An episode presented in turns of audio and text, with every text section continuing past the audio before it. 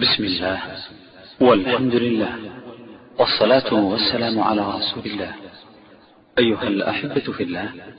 يسر إخوانكم في تسجيلات الراية الإسلامية بالرياض أن يقدموا لكم هذه المحاضرة والتي هي بعنوان أسباب نجاة الأمة لفضيلة الشيخ صالح ابن فوزان الفوزان سائلين الله عز وجل أن ينفع المسلمين بهذه المحاضرة وأن يجزي الشيخ صالح الفوزان خير الجزاء والآن أنتم مع المحاضرة بسم الله الرحمن الرحيم الحمد لله رب العالمين والعاقبة للمتقين وأشهد أن لا إله إلا الله إله الأولين والآخرين وقيوم السماوات والأرضين ومالك يوم الدين واشهد ان محمدا عبده ورسوله صلى الله عليه وعلى اله واصحابه واتباعه باحسان الى يوم الدين وبعد ففي هذه الليله ليله الخميس الخامس عشر في شهر ذي القعده من سنه الف واربعمائه واربعه وعشرين من هجره النبي صلى الله عليه وسلم وفي جامع الإمام عبد الله بن سعود رحمه الله تعالى بمدينة الرياض بحي السويدي وأصالة عن نفسي ونيابة عن المكتب التعاوني للدعوة والإرشاد وتوعية الجاليات حي السويدي وكذلك نيابة عن جماعة هذا الجامع نرحب بفضيلة شيخنا العلامة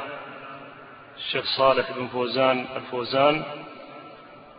عضو هيئة كبار العلماء وعضو اللجنة الدائمة للإفتاء الذي أجاب الدعوة في وقت أحوج ما تكون فيه الأمة إلى الالتقاء بعلمائها والالتفاف حول ولاة الأمر فيها قبل ذلك الاعتصام بكتاب الله تعالى وسنة رسوله صلى الله عليه وسلم خروجا من الفتن القائمة ودحرا للعدو المتربص وكشفا للشبهات التي ربما تكون في أذهان بعض المسلمين فحي هلا بالشيخ وحي هلا بهذا الجمع المبارك والجميع أشوق ما يكونون إلى الاستماع لفضيلة الشيخ وإخوانه من العلماء فشكر الله للجميع وبارك في الجهود ورد كيد الأعداء وجمع الكلمة على التقوى إنه تعالى خير مسؤول وأترككم مع فضيلة الشيخ جعلنا الله تعالى جميعا من الذين يستمعون القول فيتبعون أحسنه وصلى الله وسلم على نبينا محمد عنوان المحاضرة أسباب نجاة الأمة بسم الله الرحمن الرحيم الحمد لله رب العالمين صلى الله وسلم على نبينا محمد وعلى آله وأصحابه أجمعين أما بعد فإن الله سبحانه وتعالى حكمته أجرى الامتحان والابتلاء على بني آدم من أول الخلق إلى آخره أولهم أبوهم آدم عليه السلام وما جرى له من المحنة والابتلاء مع عدوه إبليس الذي حسده وتكبر عليه ماذا حصل لآدم عليه السلام وزوجه حواء عليها السلام ثم إن الله سبحانه وتعالى وفق الأبوين للتوبة والرجوع إلى الله عز وجل قال ربنا ظلمنا أنفسنا وإن لم تغفر لنا ترحمنا لنكونن من الخاسرين تاب الله عليهما تلقى آدم من ربه كلمات فتاب عليه إنه هو التواب الرحيم لكن بعد الابتلاء والامتحان وكذلك توالت المحن على بني آدم عبر القرون بين الرسل وأتباعهم وبين أعدائهم من الكفار والمنافقين شياطين الإنس والجن وكذلك جعلنا لكل نبي عدوا شياطين الإنس والجن وكذلك جعلنا لكل نبي عدوا من المجرمين وكفى بربك هاديا ونصيرا كفى بربك هاديا ونصيرا ولكن الرسل واتباعهم من المؤمنين ثبتوا على الحق فانجاهم الله سبحانه وتعالى ثم ننجي رسلنا والذين آمنوا كذلك حقا علينا ننجي المؤمنين ننجي رسلنا والذين آمنوا غير الرسل لا ينجو إلا بالإيمان ثم أكد ذلك بقوله تعالى وكذلك ننجي المؤمنين قال تعالى وكان حقا علينا نصر المؤمنين بهذا الوصف وصف الإيمان فإذا تمسك المؤمنون بإيمانهم وثبتوا على دينهم نجاهم الله سبحانه وتعالى من الفتن وجعل العاقبة لهم على مدار الأزمان إلى أن تقوم الساعة والدنيا دول والحق منصور وممتحن فلا تعجب فهذه سنة الرحمن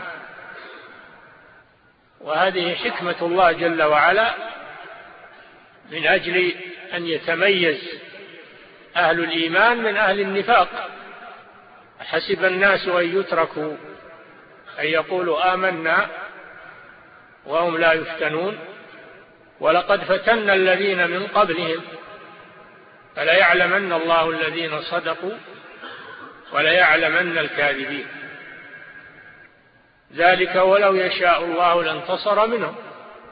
ولكن ليبلو بعضكم ببعض والذين قتلوا في سبيل الله فلن يضل أعمالهم سيهديهم ويصلح بالهم ويدخلهم الجنة عرفها لهم يا أيها الذين آمنوا إن تنصروا الله ينصركم ويثبت أقدامكم فلا نعجب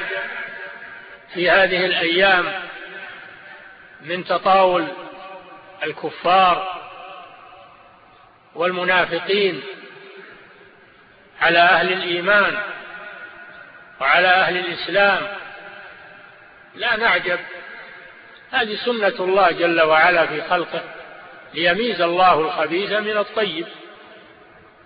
ويجعل الخبيث بعضه على بعض فيركمه جميعا فيجعل فيجعله في جهنم أولئك هم الخاسرون لا نعجب إذا حصل للمسلمين في هذا الزمان من أعداء الله من الكفار اختلاف توجهاتهم ونحلهم ومن المنافقين والذين في قلوبهم مرض من الذين يدعون الإسلام أن حصل على المسلمين ما ترونه وتسمعونه من الابتلاء والامتحان ولكن لا بد من الصبر ولا بد من الاحتساب والعاقبة للمتقين لتبلون في أموالكم وأنفسكم ولتسمعن من الذين أوتوا الكتاب من قبلكم ومن الذين أشركوا أذى كثيرا وإن تصبروا وتتقوا فإن ذلك من عزم الأمور وفي الآية الأخرى وإن تصبروا وتتقوا لا يضركم كيدهم شيئا إن الله بما يعملون محيط بهذا الشرط الصبر والثبات وعدم التنازل عن شيء من الدين لأجل إرضاء الكفار والمنافقين مهما كلف الأمر ومهما بلغ الثمن لا بد من الثبات ولا بد من الصبر كما قال جل وعلا وجعلنا منهم أئمة يهدون بأمرنا لما صبروا وكانوا بآياتنا يوقنون قال شيخ الإسلام ابن تيمية رحمه الله عند هذه الآية بالصبر واليقين تنال الإمامة, تنال الإمامة في الدين الصبر واليقين لما صبروا وكانوا بآياتنا يوقنون بالصبر واليقين تنال الإمامة في الدين أما بدون صبر وبدون يقين فإن الإمامة صعب منالها ونبينا صلى الله عليه وسلم في آخر حياته وعظ الناس كما في حديث العرباض بن سارية رضي الله عنه قال وعظنا رسول الله صلى الله عليه وسلم موعظة بليغة وجلت منها القلوب وذرفت منها العيون فقلنا يا رسول الله كأنها موعظة مودع فأوصنا قال أوصيكم بتقوى الله والسمع والطاعة وإن تأمر عليكم عبد فإنه من يعش منكم فسيرى اختلافا كثيرا فعليكم بسنتي وسنة الخلفاء الراشدين المهديين من بعد تمسكوا بها وعضوا عليها بالنواجذ وإياكم ومحدثات الأمور فإن كل محدثة بدعة وكل بدعة ضلالة النبي صلى الله عليه وسلم في هذه الوصية أوصانا بتقوى الله وهي كلمة جامعة تجمع خصال الخير كلها والتقوى معناها أن تجعل بينك وبين ما تخاف وقاية تقيك منه وقاية تقيك من المحذور تجعل بينك وبين الرمضة وقاية تقي رجلك وبينها وبين الشوك وقاية تجعل بينك وبين السلاح وقاية تقيك منه تجعل بينك وبين الحر والبرد وقاية تقيك منه هذا في أمور الأمور المحسوسة وكذلك تجعل بينك وبين غضب الله وعقابه وبين النار وقاية بتقوى الله جل وعلا بفعل أوامره وترك نواهيه لا يقيك من عذاب الله ومن غضب الله ومن النار لا تقيك الدروع والحصون والجنود والثياب وإنما يقيك تقوى الله سبحانه وتعالى بفعل أوامره وترك نواهيه ثم قال والسمع والطاعة وإن تأمر عليكم عبد من أسباب النجاة أن الأمة تطيع وتسمع لولي أمرها حتى يكون لها جماعة يكون لها دولة يكون لها قوة يكون لها جنة تتقي بها الأعداء الجماعة والاجتماع بين المسلمين واعتصموا بحبل الله جميعا ولا تفرقوا ولا تتم الجماعة إلا بقيادة إلا بإمامة ولا تتم الإمامة والقيادة إلا بسمع وطاعة إلا بسمع وطاعة لولي الأمر ما لم يأمر بمعصية الله وإن تأمر عليكم عبد مهما كان هذا الأمير حتى ولو كان ليس له نسب عربي ونسب قبلي ولو كان عبدا مملوكا أو معتقا أو ليس له نسب عربي العبرة ما هي بالنسب العبرة بالمنصب العبرة بالمنصب فولي الأمر يطاع ولي أمر المسلمين يطاع مهما كان لأن هذا من مصلحة المسلمين من جمع الكلمة السمع والطاعة السمع لولي الأمر وطاعة ولي الأمر إلا ما استثناه الرسول صلى الله عليه وسلم من قوله صلى الله عليه وسلم لا طاعة لمخلوق بمعصية الخالق فهو لا يطاع في المعصية لكن يطاع فيما عدا المعصية ليس معنى أنه إذا أمر بمعصية إننا نخرج عليه ونشق العصا لا لا, نطيعه في تلك المعصية ولكن نطيعه في الأمور الأخرى التي ليس فيها معصية ثم بين صلى الله عليه وسلم بين صلى الله عليه وسلم ما يكون في المستقبل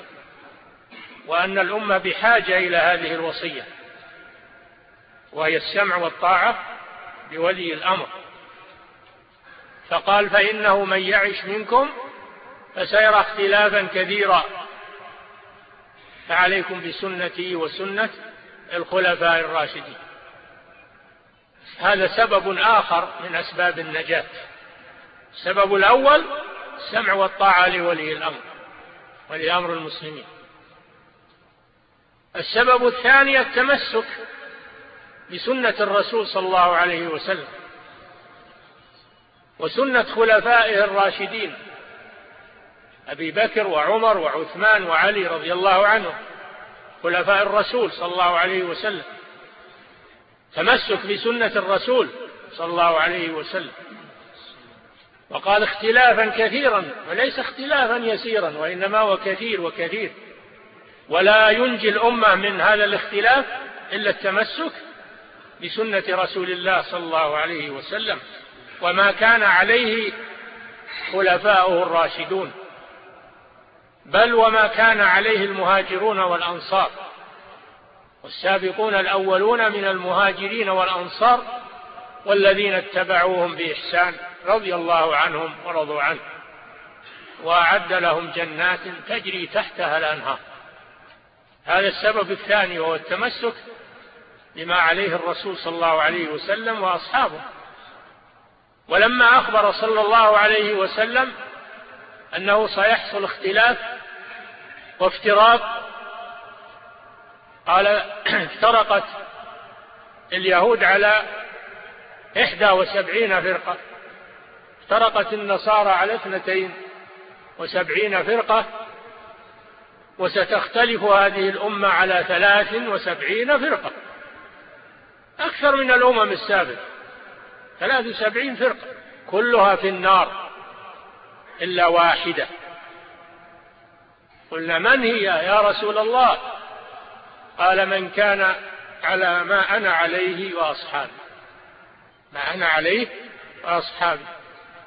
فلا ينجي من فتنة الاختلاف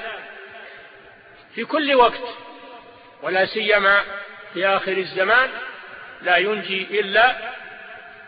تمسك بسنة رسول الله صلى الله عليه وسلم وأصحابه وما كان عليه صلى الله عليه وسلم هو وأصحابه هذا هو الذي ينجي من النار ولذلك سميت فرقة أهل السنة والجماعة سميت الفرقة الناجية الناجية من أي شيء من الفتن والناجية من النار يوم القيامة هي الناجية وما عداها فإنه لا ينجو كلها في النار إلا واحد كلها في النار لمخالفتها وافتراقها إلا من ثبت إلا من ثبت على الحق ولا يحصل الثبات على الحق وعلى سنة الرسول والصحابة إلا بالعلم النافع كيف تثبت على شيء وأنت تجهله لابد نتعلم سنة الرسول صلى الله عليه وسلم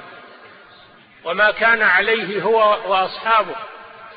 حتى نثبت عليه ونتمسك به وقال حذيفة بن اليمان رضي الله عنه كان الناس يسألون رسول الله صلى الله عليه وسلم عن الخير وكنت أسأله عن الشر مخافة أن يدركني كنت أسأله عن الشر مخافة أن يدركني يطلب من الرسول أن يبين له ما يحصل من الشر في المستقبل حتى يكون على علم منه وحتى يسلم منه وهذا لا يحصل عفوا لا يحصل إلا بالعلم أسأله أسأله تعلم هذا آية. أسأله عن الشر مخافة أن يدركني فلما بين له صلى الله عليه وسلم ما يحصل بعده من الاختلافات المتكررة قال له حذيفة ما تأمرني يا رسول الله إن أدركني ذلك قال أن تلزم جماعة المسلمين وإمامهم هذا مثل قوله صلى الله عليه وسلم عليكم بتقوى الله والسمع والطاعة أن تلزم جماعة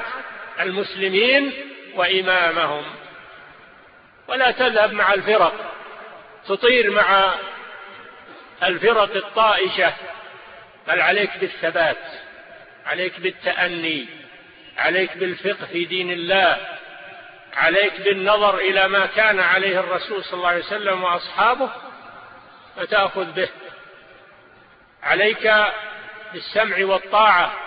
لولي أمر المسلمين وتكون مع جماعة المسلمين قال تلزم جماعة المسلمين وإمامهم قلت يا رسول الله فإن لم يكن لهم جماعة ولا إمام قال فاعتزل تلك الفرق كلها اعتزل تلك الفرق كلها ما دام ليس لهم جماعة ولا إمام ثابتون على كتاب الله وسنة رسوله فاعتزلها كلها لأن كلها على ضلال ولا تكن معها ولو أن تعض على أصل شجرة حتى يأتيك الموت حتى يأتيك الموت أما ما دام يوجد للمسلمين جماعة وإمام فلا تنفرد كن مع المسلمين مع جماعة المسلمين حتى تنجو وتسلم كذلك من أسباب النجاة التمسك بعقيدة التوحيد وإفراد الله جل وعلا بالعبادة وتجنب الشرك تجنب الشرك الأكبر والأصغر هذا هو أصل العقيدة وهذا هو أصل النجاة من النار من تمسك به قال تعالى الذين آمنوا ولم يلبسوا إيمانهم بظلم أولئك لهم الأمن وهم مهتدون آمنوا الإيمان هو التوحيد بعبادة الله وترك عبادة ما سواه ولم يلبسوا إيمانهم أي توحيدهم بظلم يعني بشرك لأن الشرك إذا خالط التوحيد أفسده لا يستقيم التوحيد مع وجود الشرك أبدا ضدان لا يجتمعان لا يجتمع توحيد وشرك أكبر أما شرك أصغر يمكن لكن توحيد وشرك أكبر لا يمكن أن يجتمع أبدا ولم يلبسوا ولم يخلطوا إيمانهم توحيدهم بظلم بشرك كما فسره النبي صلى الله عليه وسلم لما أشكلت هذه الآية على الصحابة وقالوا يا رسول الله أينا لم يظلم نفسه قال إنه ليس بالذي تعنون إنه الشرك أما سمعتم قول العبد الصالح إن الشرك لظلم عظيم يا بني لا تشرك بالله إن الشرك لظلم عظيم المراد بالظلم في هذه الآية الشرك فمن سلم من الشرك حصل له الأمان في الآخرة والدنيا وحصلت له الهداية الهداية بأن يكون على الحق وقال سبحانه وتعالى وعد الله الذين آمنوا منكم وعملوا الصالحات آمنوا شوف آمنوا وعملوا الصالحات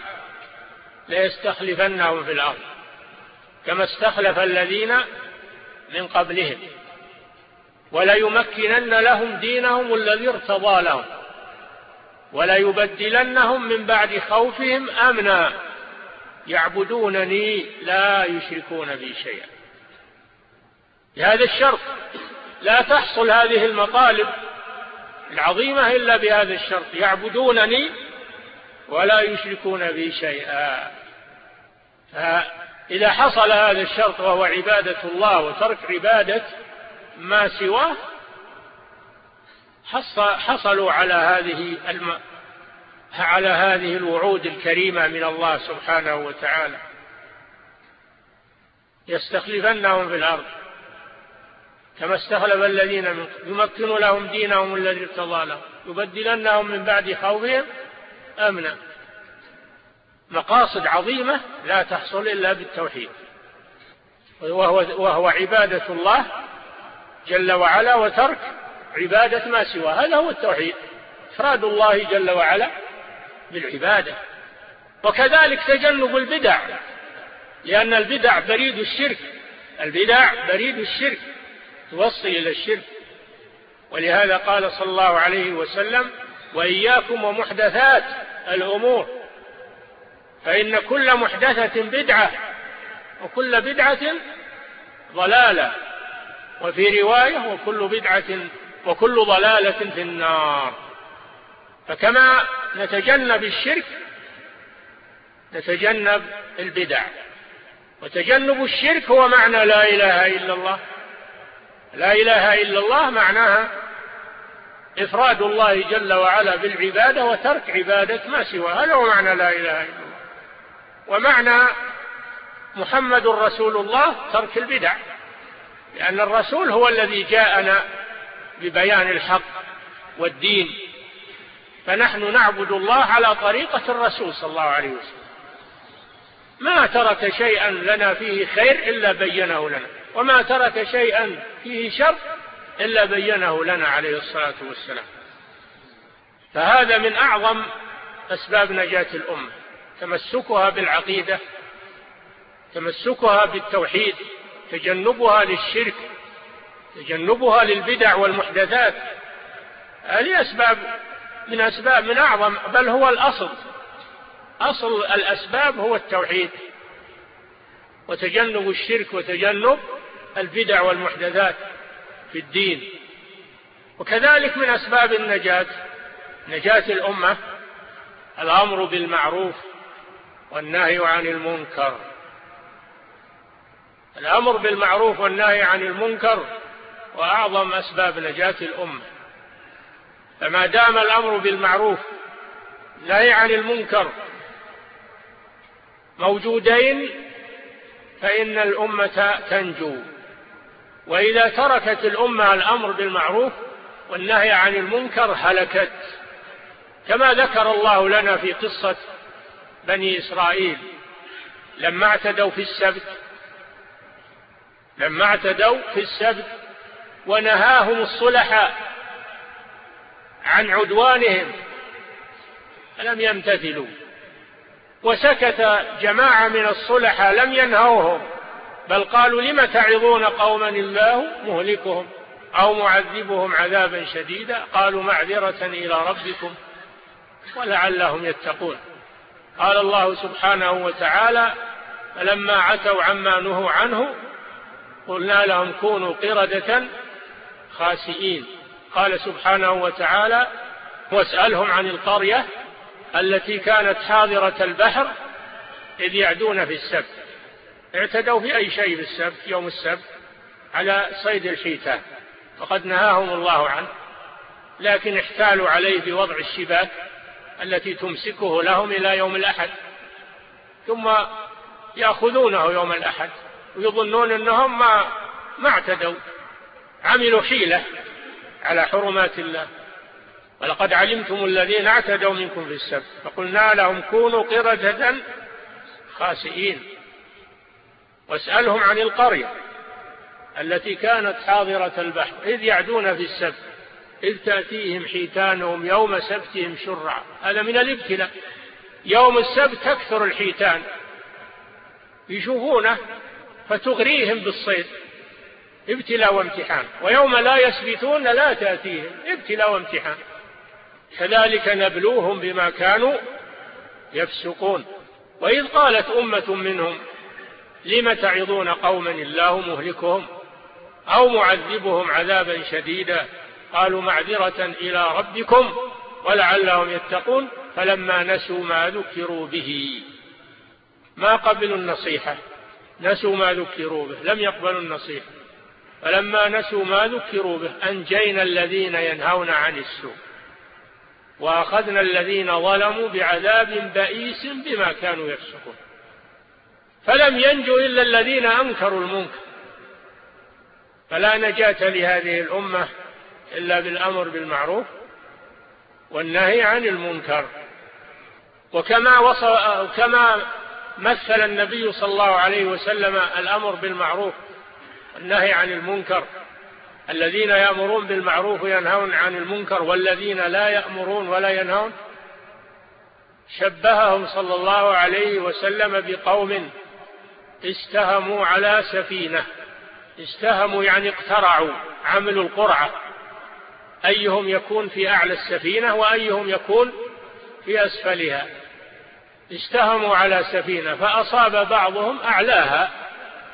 وأصاب بعضهم أسفلها فقال الذين في أسفل السفينة لو خرقنا في نصيبنا خرقا ناخذ منه الماء ولا نؤذي من فوقنا سفاهة يخرقون السفينة وهي في عباب البحر لو خرقنا في جانبنا خرقا ولم نؤذي من فوقنا ما هم راجعين الله العلم وأهل وأهل الفضل وأهل التقى بل يبون يمشون على رأيهم وهذا مثل من من وقع في, في المنكر قال صلى الله عليه وسلم مثل القائم على حدود الله وهم الآمر بالمعروف والناهون عن المنكر مثل القائم على حدود الله والواقع فيها وهم الذين يعملون المنكرات كمثل قوم استهموا أي اقترعوا على سفينة فأصاب بعضهم أعلاها هذا هو الطيب هو الزين وأصاب بعضهم أسفلها وكان الذين في الأسفل إذا أرادوا الماء يصعدون ويأخذون الماء من فوق فقالوا ما مو هو لازم نرقى ونوذي من فوقنا نخرق في نصيبنا خرقا وناخذ الماء من عنده فلما خرقوه يعني لو خرقوه لو خرقوه لغرقت السفينة بالجميع فإذا أخذ الذين في أعلى السفينة على يد الذين في أسفلها ومنعوهم من الخرق نجوا جميعا ولو تركوهم يخرقون لهلكوا جميعا كذلك هذا مثال واضح أن أهل المعاصي وأهل الفجور وأهل الشهوات لو تركوا لأهلكوا الأمة لا بد أن أهل الحلم وأهل الرأي وأهل الدين لا بد أن يأخذوا على أيديهم حتى ينجو المجتمع كله من عذاب الله فإن تركوهم في المعاصي والمخالفات والشهوات هلك الجميع الصالح والطالح واتقوا فتنة لا تصيبن الذين ظلموا منكم خاصة واعلموا أن الله شديد العقاب العقوبة إذا نزلت على العصاة فإنها تأخذ الصالح والطالح إلا من أنكر إلا من أنكر فإنه ينجو وأما من لم ينكر فإنه يهلك ولو كان صالحا يهلك مع الهالكين كما سمعتم في قصة أصحاب السبت الذين سكتوا ما ذكر الله عنهم شيء إنما ذكر الذين ينهون عن السوء أنجينا الذين ينهون عن السوء أما الفريق الثاني اللي قالوا لا لماذا تنصحون اتركوهم اتركوهم الله جل وعلا سكت عنهم فلا يدرى هل هم مع الناجين ولا مع الهالكين والظاهر أنهم مع الهالكين ولما ولما قرأ رسول الله صلى الله عليه وسلم قوله تعالى لعن الذين كفروا من بني إسرائيل على لسان داود وعيسى بن مريم ذلك بما عصوا وكانوا يعتدون كانوا لا يتناهون عن منكر فعلوه لبئس ما كانوا يفعلون سبب اللعنة أنهم كانوا لا يتناهون عن منكر فعلوه فلعنهم الله جميعا قال صلى الله عليه وسلم كلا والله لتامرن بالمعروف ولتنهون عن المنكر ولا تاخذن على يد السفيه ولتأطرنه على الحق أطرا ولتقصرنه على الحق قصرا أو ليضربن الله قلوب بعضكم ببعض ثم يلعنكم كما لعنهم كثير من الناس يلقون بالمسؤولية على غيرهم بالأمر بالمعروف يقولون الشرع على فلان فلان هو اللي الهيئة فلان نعم الهيئة عليها هيئة الأمر بالمعروف والنهي عن المنكر عليها واجب عظيم وهذا عملها لكن أيضا أنت عليك مسؤولية كل مسلم عليه مسؤولية من رأى منكم منكرا فليغيره بيده فإن لم يستطع فبلسانه فإن لم يستطع فبقلبه وذلك أضعف الإيمان أما أن تقول أن هذا ما هو علي هذا على الهيئة فقط وتدلس تكون مع الناس ولا ولا تنكر ولا تنهى ولا تنصح ولا تدعو إلى الله ولا تعظ ولا تذكر هذا هلاك هذا هلاك من لم يستطع فبلسانه من لم يستطع فبقلبه وذلك أضعف الإيمان ثم أنت عليك عليك واجب أيضا عليك أهل بيتك يا أيها الذين آمنوا قوا أنفسكم وأهليكم نارا وقودها الناس والحجارة الهيئة ما تدري عن اللي ببيتك ولي الأمر ما يدري عن اللي ببيتك أنت المسؤول عما في بيتك من النساء والأولاد والضيوف أنت المسؤول لأن الناس ما يدرون عن اللي ببيتك فأنت المسؤول قد قال صلى الله عليه وسلم كلكم راع وكلكم مسؤول عن رعيته الأمير راع ومسؤول عن رعيته صاحب البيت راع ومسؤول عن رعيته والمرأة راعية في بيت زوجها ومسؤولة عن رعيتها والخادم راع في مال سيده ومسؤول عن رعيته فكلكم راع وكلكم مسؤول عن رعيته فالأمر بالمعروف والنهي عن المنكر مشترك لا يعفى عنه مسلم لكنه بحسب الاستطاعة من رأى منكم منكرا فليغيره بيده صاحب البيت يغير باليد له اليد على أهل بيته له اليد على أهل بيته الله أعطاك اليد على أهل بيته تغير بيدك تخرج المنكر من بيتك تضرب تؤدب في بيتك ولا أحد يعترض عليك لأنك راع على أهل بيتك تقول لا هذا على على الهيئات تخلي بيتك يخرب وتقول هذا على الهيئات هذا هذا غلط عظيم فعلى المسلمين أن يقوم كل منهم بما ولاه الله فراعي البيت مسؤول عن أهل البيت مدير المدرسة مسؤول عن مدرسته وما فيها من أسرة التدريس والطلاب مسؤول عنهم مدير الإدارة مسؤول عن الموظفين الذين يتبعون كل واحد عليه مسؤولية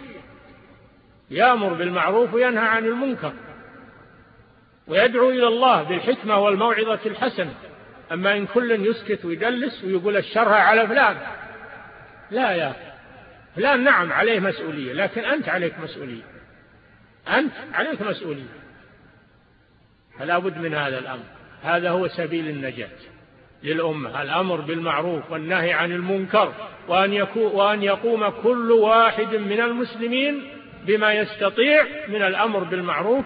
والنهي عن المنكر ولا يتركه وهو يستطيع أبدا حتى ولو في قلبه ما أحد, ما أحد يعجز أن ينكر المنكر بقلبه أبدا يعني يكره المنكر ويبتعد عنه ويبتعد عن أهله ما أحد يعجز عن هذا نعم يعجز عن اليد يعجز عن اللسان لكن القلب ما أحد يعجز عن إنكار المنكر بقلبه ولهذا قال صلى الله عليه وسلم وليس وراء ذلك من الإيمان حبة خردل فالذي لا ينكر المنكر بقلبه ليس بمؤمن ليس في قلبه ولا حبة خردل من الإيمان إذا رضي بالمنكر ولم ينهى عنه ولم يكرهه بقلبه فليس فيه إيمان ليس وراء ذلك من الإيمان حبة خردل فهذه أسباب مجملة أسباب النجاة نجاة الأمة أولا السمع والطاعة لولاة الأمور بالمعروف ثانيا التمسك بالكتاب والسنة اعتصموا بحبل الله جميعا ولا تفرقوا وأن هذا صراطي مستقيما فاتبعوه ولا تتبعوا السبل فتفرق بكم عن سبيله ذلكم وصاكم به لعلكم تتقون ثالثا الأمر بالمعروف والنهي عن المنكر كل بحسب استطاعته ومقدرته وتعاونوا على البر والتقوى ولا تعاونوا على الإثم والعدوان كذلك من أسباب نجاة الأمة أيضا التآخي والمحبة بين المسلمين المسلم للمسلم كالبنيان يشد بعضه بعضا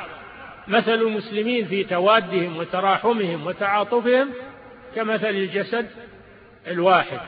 إذا اشتكى منه عضو تداعى له سائر الجسد بالسهر والحمى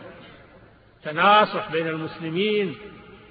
الدين النصيحة قلنا لمن يا رسول الله قال لله ولكتابه ولرسوله ولأئمة المسلمين وعامتهم المحبة بين المسلمين قال صلى الله عليه وسلم لا تدخلوا الجنة حتى تؤمنوا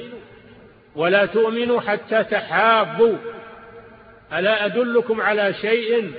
إذا فعلتموه تحاببتم أفشوا السلام بينكم الإصلاح بين المسلمين لا خير في كثير من نجواهم إلا من أمر بصدقة أو معروف أو إصلاح بين الناس ومن يفعل ذلك ابتغاء مرضات الله فسوف نؤتيه أجرا عظيما وإن طائفتان من المؤمنين اقتتلوا فأصلحوا بينهما فإن بغت إحداهما على الأخرى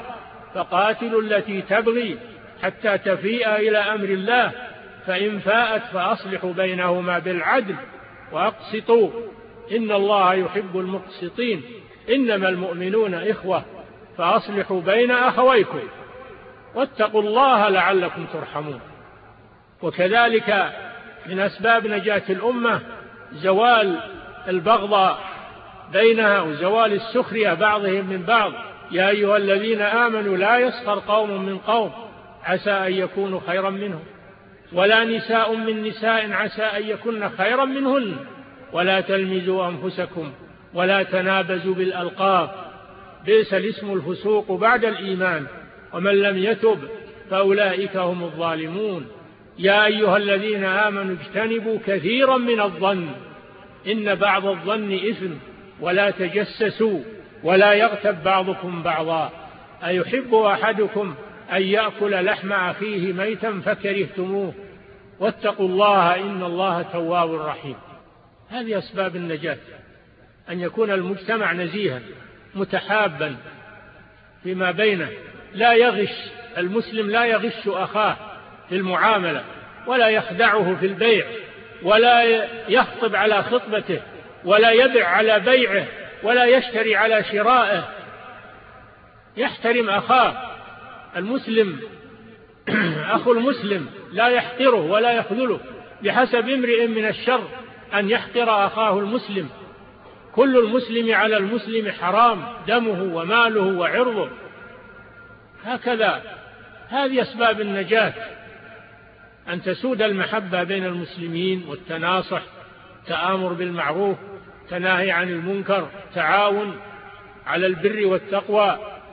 هذه أسباب النجاة وقال الإمام مالك رحمه الله لا يصلح آخر هذه الأمة إلا ما أصلح أولها وأولها بماذا صلح صلح بالإسلام والاستقامة على الدين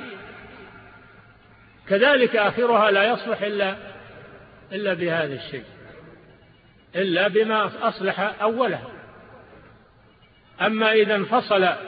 آخر الأمة عن أولها حصل الهلاك كما يقول دعاة الضلال الآن يقولون هل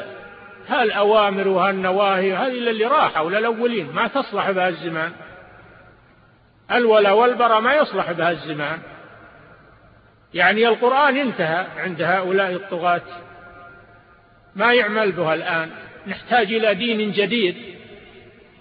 نحتاج إلى نظام جديد وما كأن الرسول صلى الله عليه وسلم رسولا إلى العالمين ورسولا إلى أن تقوم الساعة هو رسول رسالته قائمة باقية إلى أن تقوم الساعة ودينه باقي إلى أن تقوم الساعة وكامل وشامل لكل زمان ومكان أما اللي يقولون لا هذه أمور انتهت هذه أمور في, في الزمان الأول أما نحن الآن عالم جديد نحتاج إلى نظام جديد وإلى فهذا قول أهل الباطل وهذا قول المنافقين اللي يظهرون الإسلام ويبطنون الكفر هذه مقالتهم هم اللي يقولون مثل هذه المقالة الذين يدعون الإسلام فإذا جاءت الفتن والمحن ظهر نفاقهم وظهر ما في صدورهم فهؤلاء لا عبرة بهم ولا يلتفت إليهم ولا يصغى إلى كلامهم وعلينا أن نمضي على طريق الحق والصواب والسنة وإن استهزأ بنا من استهزأ أو سخر منا من سخر أو تكلم فينا من تكلم أو تنقصنا ما علينا نحن نسير على طريق واضح وعلى طريق بين كتاب الله وسنة رسوله قال صلى الله عليه وسلم إني تارك فيكم ما إن تمسكتم به لن تضلوا بعدي كتاب الله وسنتي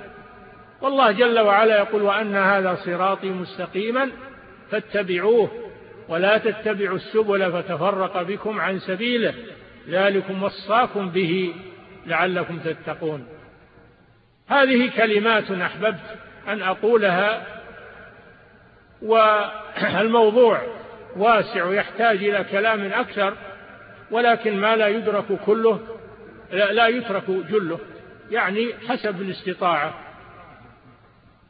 والحر تكفيه الإشارة وخير الكلام ما قل ودل ولم يطل فيمل وصلى الله وسلم على نبينا محمد على آله وأصحابه أجمعين شكر الله لفضيلة الشيخ ما تفضل به من هذا الكلام الطيب ونسأل الله تعالى أن يجزيه خير ما جزى عباده الصالحين وأن يغفر لنا ولجميع المسلمين إنه تعالى خير مسؤول نستأذن فضيلتكم في عرض كثير من الأسئلة التي تختلج في صدور الحاضرين وهم بحاجة إلى توجيهكم شكر الله سعيكم السؤال الأول يقول فضيلة الشيخ كثر في الآونة الأخيرة الطعن واللمز في دعوة الإمام المجدد الشيخ محمد بن عبد الوهاب رحمه الله ولم تسلم أيضا كتب الدعوة السلفية كالدرر السنية وغيرها حتى قيل إن هذه الكتب هي سبب البلاء والمحن وأنها من وراء التفجير والتكفير فنرجو من فضيلتكم البيان والرد وفقكم الله نعم أنا قلت لكم أنا قلت لكم إن الابتلاء والامتحان مستمر إلى أن تقوم الساعة الله جل وعلا يقول وكذلك جعلنا لكل نبي عدوا من المجرمين النبي له أعداء فكيف بغيره كيف بغير الأنبياء عليهم الصلاة والسلام وشيخ الإسلام محمد بن عبد الوهاب رحمه الله ما جاء ليرضي الناس وإنما جاء ليرضي الله سبحانه وتعالى ومن التمس رضا الناس بسخط الله سخط الله عليه وأسخط عليه الناس ومن التمس رضا الله بسخط الناس رضي الله عنه وأرضى عنه الناس الشيخ ما جاء ليرضي الناس إنما جاء ليرضي ربه وهو داع ومصلح ونفع الله بدعوته ونشأت عليها أجيال من المسلمين عاشوا عليها وماتوا قامت عليها دولة ودول متوالية فهي دعوة صالحة لأنها دعوة لأنها دعوة فتوخى دعوة الرسول صلى الله عليه وسلم فهو مجدد ومصلح ولا نستغرب إن المنافقين والكفار والملحدين يتكلمون في دعوة الشيخ تكلموا في دعوة الرسول صلى الله عليه وسلم تكلموا في دعوة الرسل كلهم تهموهم بأنهم يريدون الرياسة وأنهم يريدون الكبرياء في الأرض وأنهم سحرة وأنهم وأنهم كما ذكر الله في القرآن فلا نستغرب أن يكون لهم ورثة الآن يكون لهؤلاء المجرمين ورثة الآن يغصون بدعوة الخير ويذمون دعوة الخير لأنهم يريدون أن يفسحوا المجال للشر ولكن وقفت في نحورهم هذه الدعوة وهذه الكتب المفيدة وقفت في نحورهم حجر عذرة في نحورهم فهم لا يريدونها والأمم السابقة الكفار من الأمم السابقة تطيروا بالأنبياء تطيروا بالأنبياء وقالوا ما أصابنا الشر إلا بسبب الأنبياء نعم تطيروا بموسى عليه السلام تطيروا بأنبيائهم تطيروا بصالح عليه السلام إنا تطيرنا بكم والله جل وعلا ذكر عن ثمود أنهم تطيروا بصالح عليه السلام وكذلك أصحاب ياسين تطيروا بالرسل إن تطيرنا بكم لئن لم تنتهوا لنرجمنكم وليمسنكم منا عذاب أليم مش معنى تطيرنا بكم يعني ما أصابنا الشر إلا بسببكم نفس الشيء ذولا يقولون ما أصابنا الشر إلا بسبب الدعوة وبسبب كتب التوحيد والعقيدة في سبب الشر يقولون تطير هذا تطيروا بمحمد صلى الله عليه وسلم تطيروا بمحمد صفوة الخلق عليه الصلاة والسلام الله جل وعلا ذكر وإن تصبهم حسنة يقول هذه من عند الله وإن تصبهم سيئة يقول هذه من عندك يقول الرسول هذه من عندك السبب ما أصابنا السيئة إلا بسبب سببك يا, يا محمد هذا ما هو بغريب ما هو بغريب أبدا إن إن الكفار والمنافقين والملاحدة أنهم يذمون الشيخ محمد بن عبد الوهاب ويذمون كتب أهل, أهل السنة والجماعة لهم سلف من المجرمين وكذلك جعلنا لكل نبي عدوا من المجرمين وكفى بربك هاديا ونصيرا لن يضروا إلا أنفسهم والحمد لله والحق باقي رغم أنوفهم والدعوة دعوة الشيخ واضحة ولله الحمد ما فيها لبس واضحة ما فيها غلو بل هو ينهى عن الغلو أليس في كتاب التوحيد يقول باب ما جاء في أن الغلو للصالحين يصير قبورهم أوثانا تعبد من دون الله قال هذا رحمه الله عقد بابا ينهى عن الغلو في الصالحين وجاب قصة قوم نوح لما غلوا في الصالحين فهو ينهى عن الغلو ينهى عن التطرف اللي يسمونها التطرف ويأمر بالاعتدال والاستقامة لأنه مجدد جاء بتجديد هذا الدين فهو كغيره من المجددين الذين يبعثهم الله على رأس كل مئة سنة يجددون لهذه الأمة أمر دينها كما جاء في الحديث وأنتم تظنون أن أهل الشر سيمدحون الشيخ أو يثنون عليه أو على كتبه أبدا ما نتوقع منهم هذا ما نتوقع منهم إلا الذم و... وإذا أتتك وإذا أتتك مذمتي من ناقص فهي الشهادة لي بأني فاضل هذا يدل على فضل الشيخ رحمه الله حيث غاض هؤلاء المجرمين وأحرج صدورهم هذا دليل على فضله رحمه الله نعم بارك الله فيكم يقول السائل اضطرب بعض الناس في عقيدة الولاء والبراء وظنوا أنه يجوز التنازل عنها في فترة ضعف المسلمين وظهرت مصطلحات التسامح واحترام الآخر ونحو ذلك فما هو الحكم الشرعي في هذه المسألة الولاء والبراء لا يسقط أبدا لا يسقط أبدا من أول الخليقة إلى آخرها ولهنا دين إلا بولا وبر أبدا أن تحب أهل الإيمان وتواليهم وأن تبغض أهل الكفر والشرك وتعاديهم إن لم يحصل هذا فلا, فلا دين لا دين إلا بولا وبر أبدا ولا نتنازل عن الولا والبر ولا, ولا نحب المشركين أبدا بل نبغضهم لأن الله قال لا تتخذوا عدوي وعدوكم أولياء لا تجد قوما يؤمنون بالله واليوم الآخر يوادون من حاد الله ورسوله ولو كانوا آباءهم أو أبناءهم أو إخوانهم أو عشيرتهم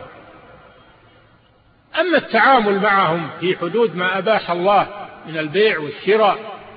وتبادل المصالح والمعاهدات بينهم وبين المسلمين هذا شيء جاء به الرسول صلى الله عليه وسلم وليس هذا معناه ولو برع هذا معناه تعامل دنيوي للمصالح لمنفعة المسلمين لما يقوي المسلمين ولا يدل على محبة الكفار محبة الكفار لا تجوز أبدا وليس معنى إذا بعنا معهم وشرينا أو استأجرناهم أو استقدمناهم لعمل أننا نحبهم بل معناه أننا نريد منهم أن يقيموا لنا عملا من الأعمال نحتاج إليه وهم ونحن نبغضهم ولا نودهم أبدا فهم بين أمرين إما أنهم ما فهموا معنى الولاء والبراء وإما أنهم يغالطون يغالطون في ذلك نعم يقول السائل يطرح في الآونة الأخيرة طلب تقرير مادة التربية البدنية لمدارس البنات والذي يلزم منه كما لا يخفاكم مفاسد كثيرة فما رأيكم في هذا والله يحفظكم لا تكملة الجواب الولا والبراء العجيب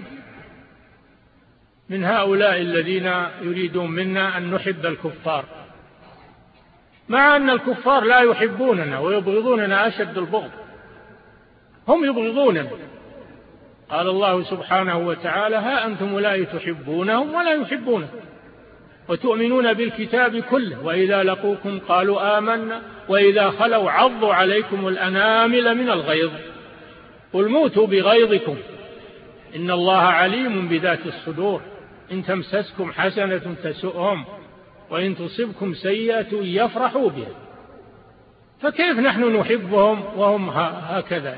يبغضوننا أشد البغض لتجدن أشد الناس عداوة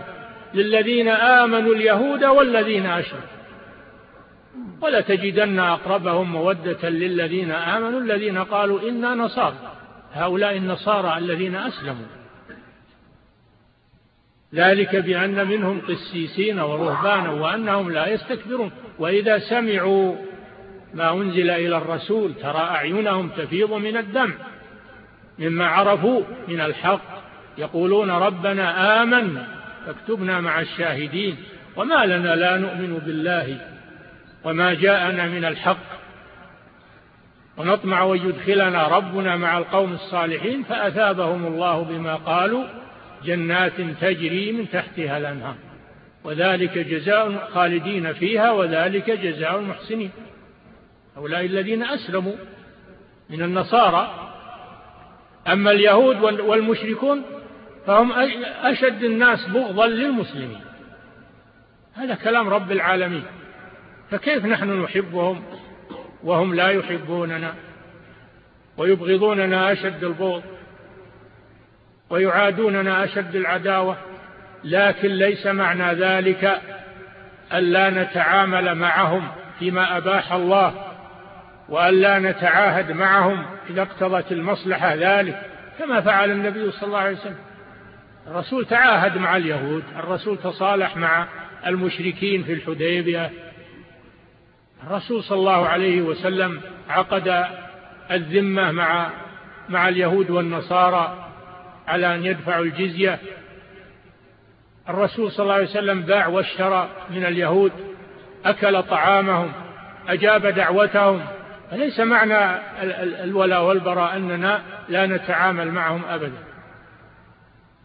هذا غلط اللي يفهم أن معنى الولا والبراء قطع, قطع التعامل معهم هذا غلط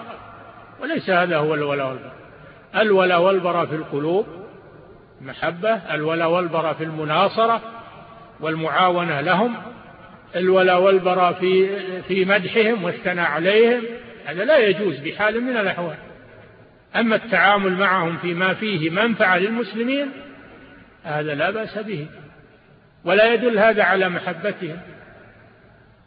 نعم نعم التربية البدنية للبنات هذه فيها بحث الآن ولا تم فيها شيء ولن يتم إن شاء الله وإن تم فالمسلمون لن يقفوا مكتوف الأيدي لا بد يستنكرون هذا الشيء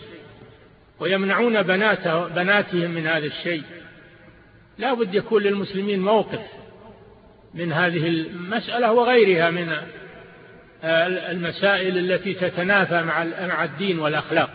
نعم بارك الله فيكم يقول السائل يرى البعض ضرورة الحوار والمناظرة مع المخالفين لنا في العقيدة ويرى البعض الآخر أنه لا ضرورة لذلك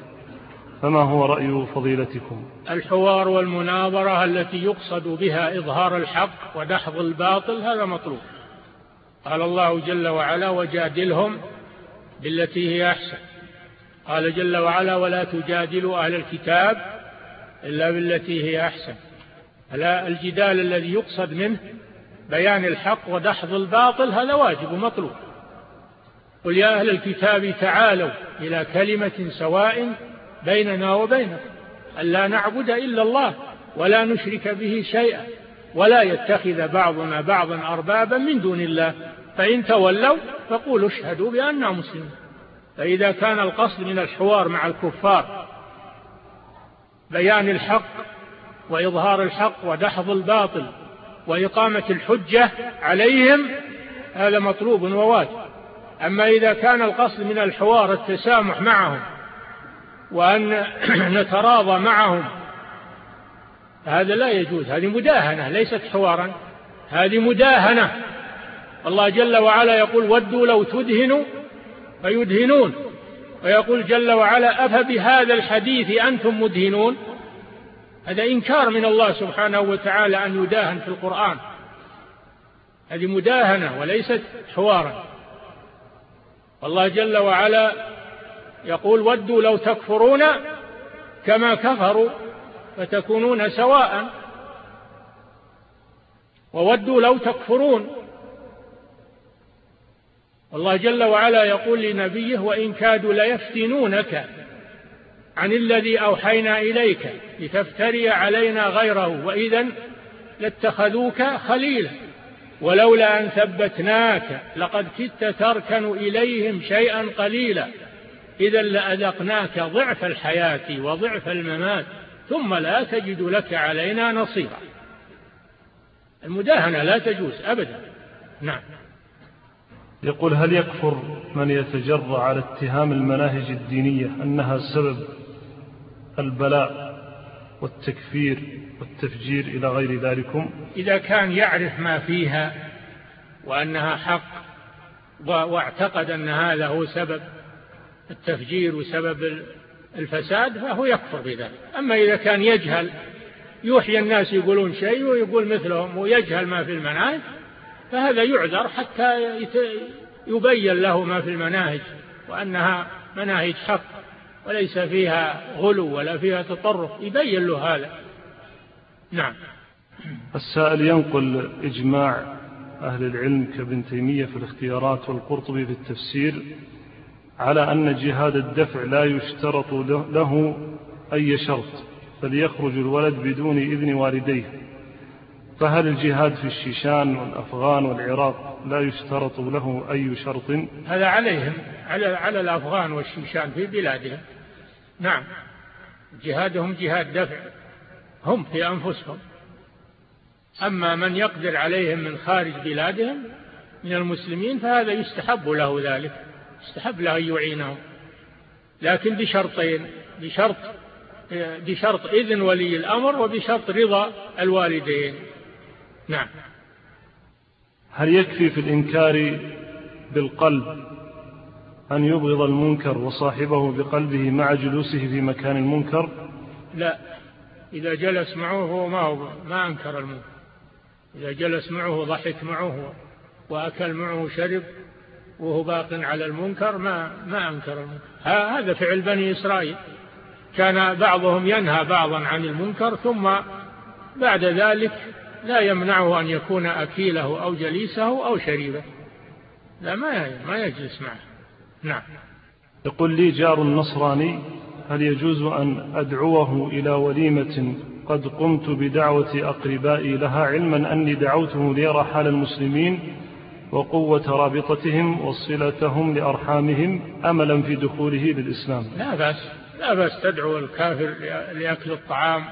وتجيب دعوته إذا دعاك لأكل طعام وهو جار لك أو قريب من بيتك فلا بأس بذلك مسألة أكل الطعام وإجابة الدعوة ما هي من الموالاة هذه هذا من التعامل الدنيوي وربما يكون وسيلة للدعوة لا سيما إذا كان جارا لك فله حق ولو كان كافرا قال الله جل وعلا والجار ذي القربى والجار الجنوب والصاحب بالجنب وابن السبيل فالجار على ثلاثة أقسام جار له ثلاثة حقوق وهو الجار المسلم القريب يعني الذي بينك وبينه قرابة له حق القرابة حق الجوار وحق الإسلام وجار له حقان وهو الجار المسلم الذي ليس من أقاربه له حق الإسلام وحق الجوار وجار له حق واحد وهو الجار الكافر له حق الجوار نعم في ختام هذا اللقاء لا يسعنا إلا أن نتقدم بالشكر الجزيل بعد شكر الله تعالى لفضيلة الشيخ في إجابته لدعوته وهذا البيان والإيضاح ونشكر لكم حضوركم ونشكر المكتب التعاوني بالسويدي ترتيبه هذه المحاضرة وغيرها من الدروس والمحاضرات نسأل الله تعالى أن يوفق الجميع لما يحبه ويرضاه وصلى الله وسلم على نبينا محمد جزا الله فضيلة الشيخ خير الجزاء وجعلنا الله وإياكم ممن يستمعون القول فيتبعون أحسنه وتقبلوا تحيات إخوانكم في تسجيلات الراية الإسلامية بالرياض والسلام عليكم ورحمة الله وبركاته